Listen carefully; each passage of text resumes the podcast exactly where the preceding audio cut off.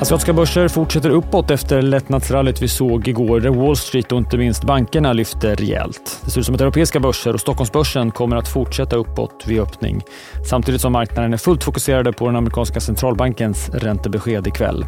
Du lyssnar på Din Morgonkoll. Jag heter Alexander Klar.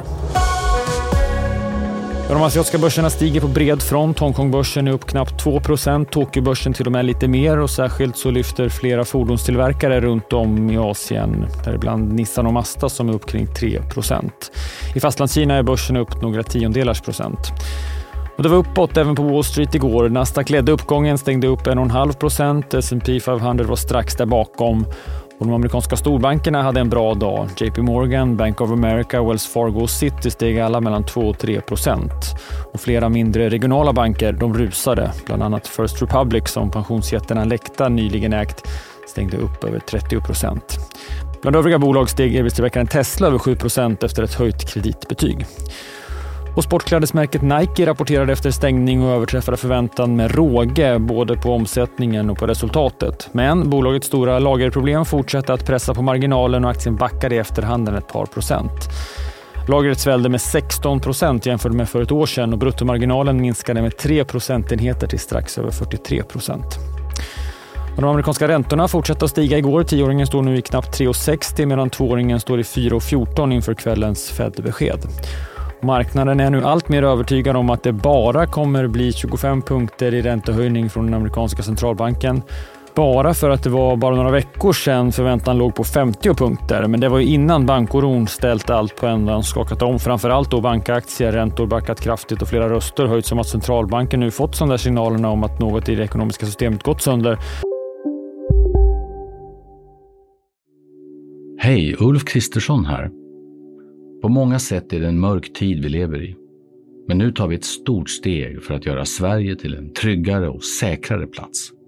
Sverige är nu medlem i Nato. En för alla, alla för en. Och det är dags för centralbanken att lugna ner sig. Faktum är att marknaden nu prisar in räntesänkningar redan i slutet av året.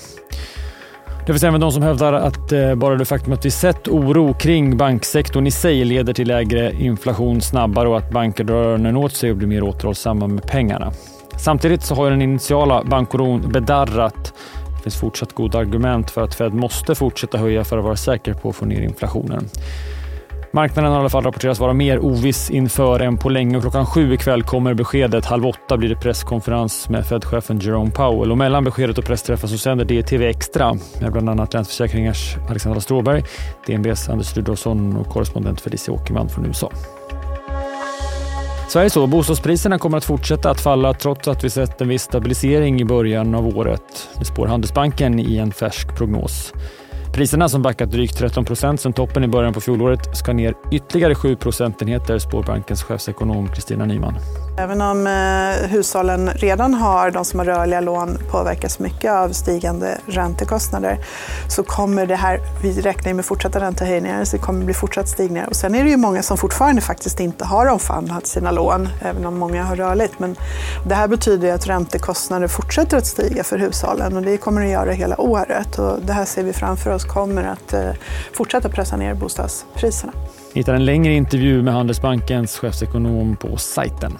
Där hittar ni också övriga poddar från Dagens Industri. Och missa inte heller Börsmorgon med start kvart i nio. Studion pratar mer om förväntan på Fed. Vi får för övrigt inflation från Storbritannien som förväntas sjunka under 10% i februari.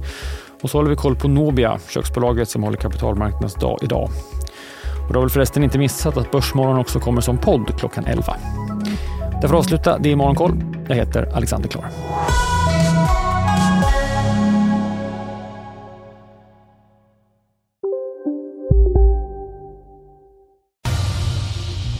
Expressen gör varje vecka podden Politikrummet där vi djupdyker i det senaste och viktigaste inom svensk politik. Med mig, Filippa Rogvall, som programledare tillsammans med mina vassa kollegor. Och det är ju ni som heter Thomas Nordenskjöld, Anette Holmqvist och Viktor Bartkron.